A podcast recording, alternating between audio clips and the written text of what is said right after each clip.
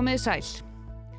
Svandís Svavarstóttir matvælaráþara ætlar að sameina tvær gróna ríkistofnanir í eina á næstunni, landgræðslu ríkisins og skóraktina. Þetta eru likilstofnanir landsins þegar kemur að loftslagsmálum. Þetta tilkynnti Svandís fyrir ríkistjórn nú í síðari hlutu oktober og fór strax á fund með starfsmönnum beggjastofnana þar sem hún tilkynnti þeim ákvörðun sína. Allir starfsmenn munu flytjast yfir í nýja stopnun, mannauður og þekking á að haldast innan hennar. Breytingar á skipulagi munu býða nýs forstuðumanns hver svo sem hann verður, það verður auglýst síðar.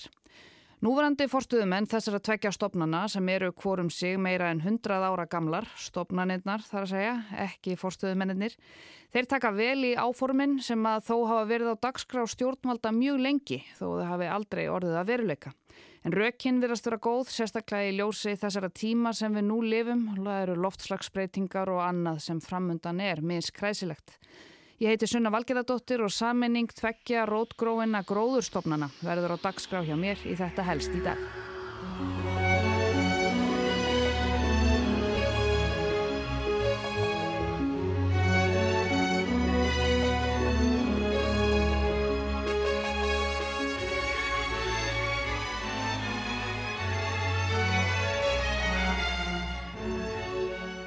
Landgræðslan og skórektin eru stopnarnir sem eiga sér langa og stolta sögu og hafa verkefni þeirra frá upphafi verið nátengt. Þau hafa snúist um að ebla og styrkja vistkerfi landsins. Mikill samhljómur er með hlutverkum stopnarnana eins og þau eru skilgrend í nýlegum lögum um landgræðslu og um skóa og skórekt og nýverið gaf ég út Land og líf, fyrstu saminuðu stefnuna í landgræðslu og skórekt auk aðgerðar áallunar. Mín sín er að ný saminuð stopnun verði sterkari, stopnunin hefði yfir að ráða miklu mannauð með tilheyrandi samlegð, gefið færi á auknum krafti í mikilvæg verkefni sem skipta samfélagið miklu máli. Þessar stopnunir tvær eru með 16 starfstöðvar við svegarum landi sem undverður að ebla frekar. Ekki er gert ráð fyrir að reyfa við þeim eða staðsetningum starfsmanna, en það eru viðfangsefni stopnunarinnar fyrst og fremst að finna á landsbyðinni. Þá er ekki gert ráð fyrir því að starfsfólki fækki eða að markmiði sé að ná fram sparnaði, heldur enn fremur að auka slagkraftin í verkefnunum sem tengjast landnýtingu. Svo hljóðaði byrjun á grein Svandísar á vísi um saminninguna 19. oktober. Saminuð stopnun mun hafa um 130 stöðu gildi og getur aðalskrifstofa verið staðsett á öllum megin starfstöðum. Ekkir gert ráð fyrir að forstöðumæður hafi aðsettur á höfuborgarsvæðinu og Svandi segir að með saminningu verði auðveldara og skilvirkara að halda utanum verkefni eins og loftslagsbókald, endurheimt byrkiskóa, fræframleðslu, landupplýsingar, ráðgjöf til bænda og landegenda um landnýtingu og landbætur, um sjón lands í eigu ríkisins á samt fræðslu og kynningu og svo framvegis. Þetta hljómar allt saman bara nokkuð vel og Svandís má bara vera ánægð með þessi plön sínist manni. En hún getur samt sem áður ekki eignað sér heiðurinn allan því umræður og plön um sammenningu þessara tveggja stopnana hafa leiði lengi í farvatninu og hefur raunar verið á dagskrá stjórnvalda í ára tugi. Nú ætlum ég að reyna stuttlega yfir sögu þessara tveggja mikilvægu stopnana. Skórektinn er ríkistofnun sem heyrir undir umhverfis og öðlendaráðunettið og þjónar skórekt á Íslandi samkvæmt lögum um skórekt. Þröstur Eisteinsson skórektarstjóri skrifaði niður sögustofnunarinnar og gríp ég lauslega niður í hana hér á eftir. Áratugurinn fram að 1908 markar upphaf skórektar á Íslandi. Danskur sjóliðsfóringi sem hafi verið í Íslandsiklingum um nokkurt skeið gerði sér grein fyrir því að allt of fáir Íslendingar sjá, nefnilega að í skólausu landi vantar skó. Hann fekk danskan skófræði profesor til liðsvið sig og saman stopnuðu þeir Íslands skósag sem þýða mætti sem skórektarmálefni Íslands. Þeir útveguðu styrki og réðu skófræðinga til þess að annars tilraunir í skórakt á Íslandi. Hannes Hafstein, Íslands ráðara, fekk sandgræðslu fókjetan, þetta eru áhugaverðir tillar sem við erum með þérna, á Jótlandi til þess að semja lagafrumvarp um skórakt og varnir gegn upplæstri lands. Frumvarpinu var tekið fremur fálega á alþingi. Sandgræðslu kaplinn var feldur niður og frumvarpið varða lögum með aðeins eins atkvæðis meiri hluta þann 22. november 1907. En Með lögunum var skórektinn stopnuð og danskur skórektarstjóri ráðin til landsins 15. februar 1908. Með því voru skórektarmálefni Íslands komin í hendur Íslenska ríkisins og skórekt ríkisins meðal fyrstu ríkistofnana lands sem hafði tæpum fjórum árum áður fengið heimastjórn. Saga skóraktarinnar er mjög laung og ítarleg og ég ætla ekki að fara yfir hana alla hér en bendi áhuga sömum hlustendum á lesefni og vefsíðu skóraktarinnar. En ég hoppa nú til kaplan sem hefst á eftirhrauns árinu 2009 og nær til 2018. Lengi hafði verið í umræðu að efna til saminningarstofnana á sviði landnýtingarmála. Á árunni 2015 hófst undirbúningur að saminningu skórektarríkisins og landslutaverkefna í skórekt á samt umsjón með hekluskóum. Eftir langt, rínið, tímabil, fundi og útrekninga var niðurstaðan svo að saminning landslutaverkefnana og skóraktar ríkisins væri æskileg og skapaði tækifæri fyrir framþróun og eblingu skóraktar í landinu. Saminningin var samþekkt með lögum frá alþingi í júni 2016 og nýstofnun, skórektinn, tók til starfa sama ár. Loka orðin í þessari sagfræðilegu yfirferð þrastar eru svona. Þegar hort erum farin vegar ljóst að skóraktin hefur náð miklum árangri ef til vill ekki svo miklum mældum í auknu flattarmáli nýskóa en eyðingunni var snúið við og byrkiskóunum var bjargað. Mestur árangur mælist í formi vitundavakningar meðal almennings. Íslendingar um aldamóti 1900 höfðu fæstir séð trí og töldu sig þar með vita að trí gætu bara ekki vaksið á Íslandi. En þeir vita nú að hér geta vaksið skóar til viðarnitja og sumir hafa jafnvel áhyggjur að þeir vaksi of vel. Þekking og færni á sviði skóraktar byggðist upp og úrvinnsla afurða úr grísunarviði er hafinn. Grunnurinn hefur verið lagður og allt er til staðar til þess að nú sé hægt að byggja hér upp skóar auðlind til raunverulegra hagspóta fyrir Ísland og Íslandinga. Nú er bara láti ekki degan síga. Skórakt, hverju nafni sem hún nefnist, er alltjent mikilvægt verkefni á þessari öll til þess að skapa auðlind, bæta landið og búsetu skilirðin og hamla gegn loftslagsbreytingum. Þetta saði Þröstur Eistensson. Og nú að landgræðslunni. Landgræðslan heyrir undir umhverjus og auðlundaráðunitið eins og skóraktinn og vinnur samkvæmt lögum um landgræðslu að því að vernda, endur, heimta og bæta þær auðlindir þjóðarinnar sem fólknar eru í gróðri og jarðvegi og tryggja sjálfbæra nýtingu lands. En fremur að fræðslu, leiðbenningum, rannsóknum, þróunastarfi og fleira á því sviði. Landgræðslan hétt áður Sandgræðsla Íslands og var stopnuð 1907. Það er því miður ekki að finna jafn ítarlegar upplýsingar um sögu landgræðslunar og skóraktarinnar á VF landgræðslunar en það er kannski allt í lagi líka.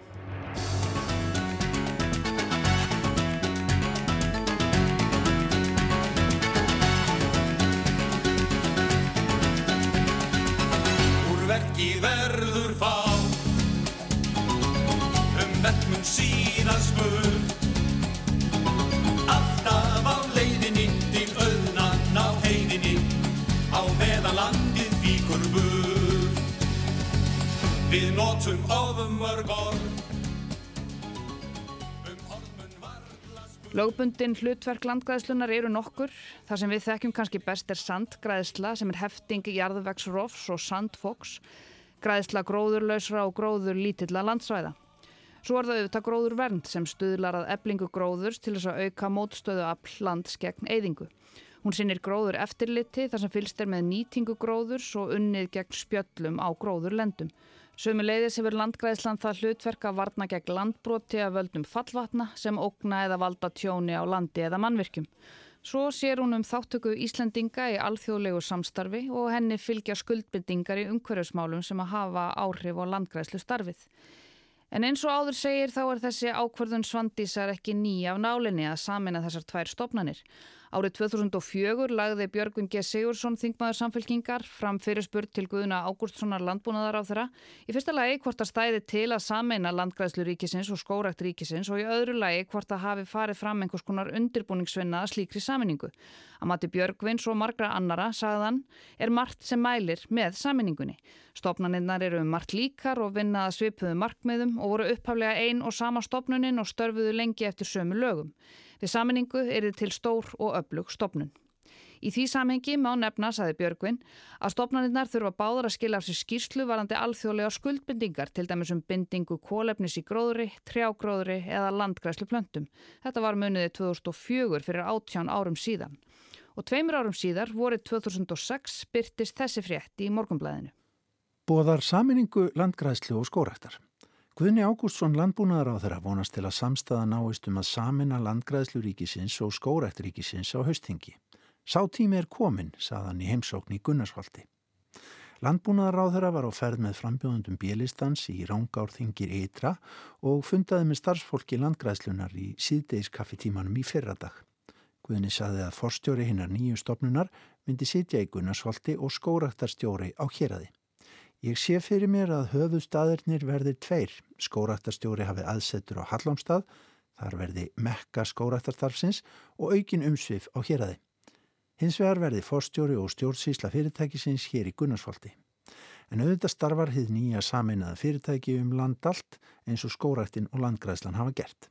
Á mynd sem fylgir fréttinni má sjá Guðun Ágúrsson ráð þeirra í fyllt frú Vigdísar Fimboðdóttur, fyrirverandi fórseta Íslands og fleira fólks í Vinaskógi. Þetta var morgunblæðið 2006 og nú, rúmum 16 árum síðar, virðast þessi áform Guðuna fyrirverandi landbúnaðar á þeirra ætla að verða að veruleika. Bjarni Rúnarsson fréttamaður fekk stjórana tvo þá Árna Bragarsson landgræðslustjóra og Þröst Eistinsson skóraktarstjóra til sín í speilin núna í lok oktober til þess að ræða þessa yfirvofandi saminningu stopnanana sem þeir stýra nú. Hlýðum nú að brotur því viðtali. Svo við byrjum bara á ykkar skoðun á þessari saminningu. Þetta hefur verið lengi í umræðinni, allt frá því á seinustu öld. Er þetta eins og úlninga kærustupar sem getur ekki ákveði hvort að ætla að vera saman eða ekki? Hefur byrjað þér á því?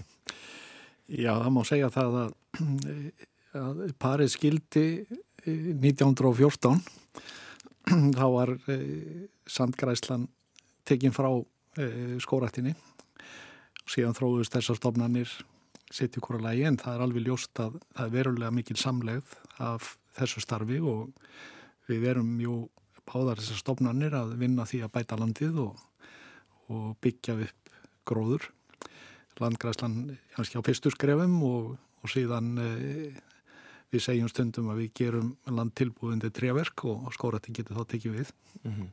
Þröstur, af hverju, af hverju gera þetta núna? Það eru, það eru kannski, já ég veit ekki, eina, tvær eða þrjár ástæði fyrir því að gera þetta núna. Það er í fyrsta lægi, er það hluti af, af hérna, stefnu ríkistjórnarina núna að einfalda ríkskerfið og sameina stopnarnir. Það er verið að sameina stopnarnir og gera breytingar víðar heldur en hjá okkur. Þannig að það er, það er kannski stæsti hluti núna. Svo vill svo til að við árni erum, erum ekkit ólíkir í, í aldri og, og við erum um það að fara að hætta. Þannig að það er hendugur tími núna út af því. Svo eins og þú nefndir í upphafi þá, þá hefur þetta oft áður verið í umræðinu og mörgum finnst eðlegt að landgræslumál og skórættamál séu, séu á hendi einna stofnar.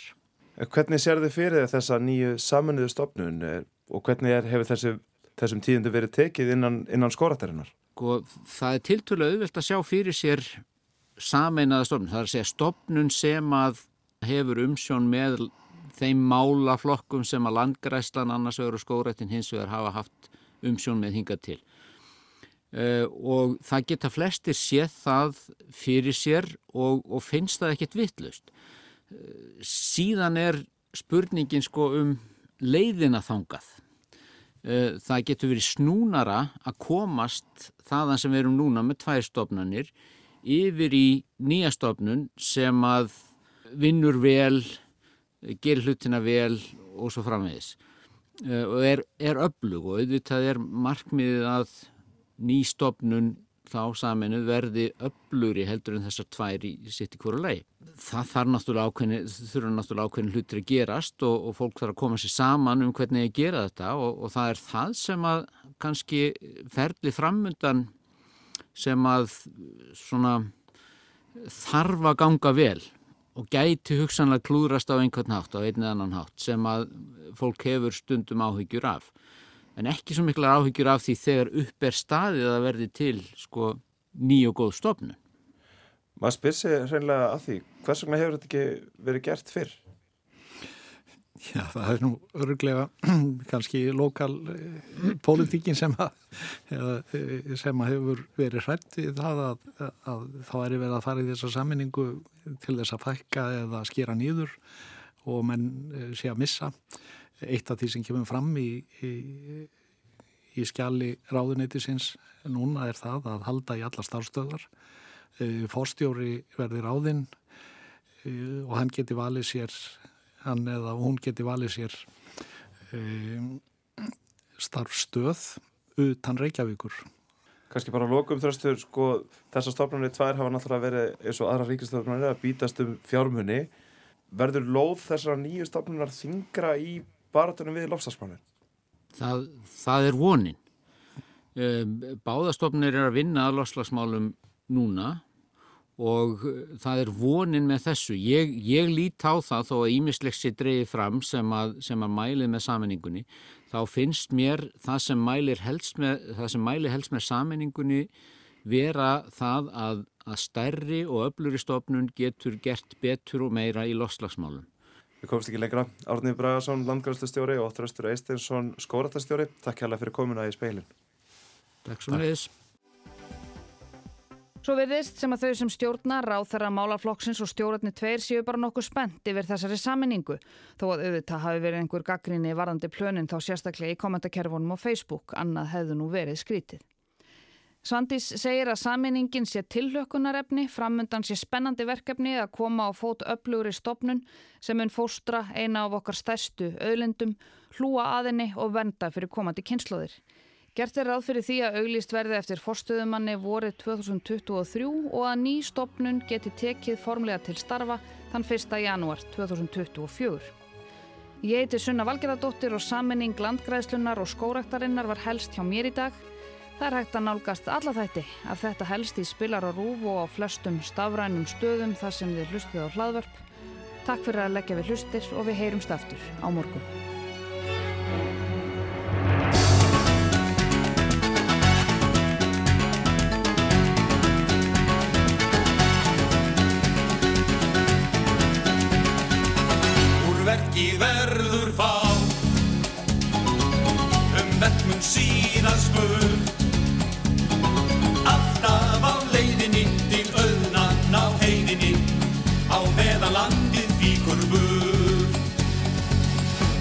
Notum ofum mörg orð.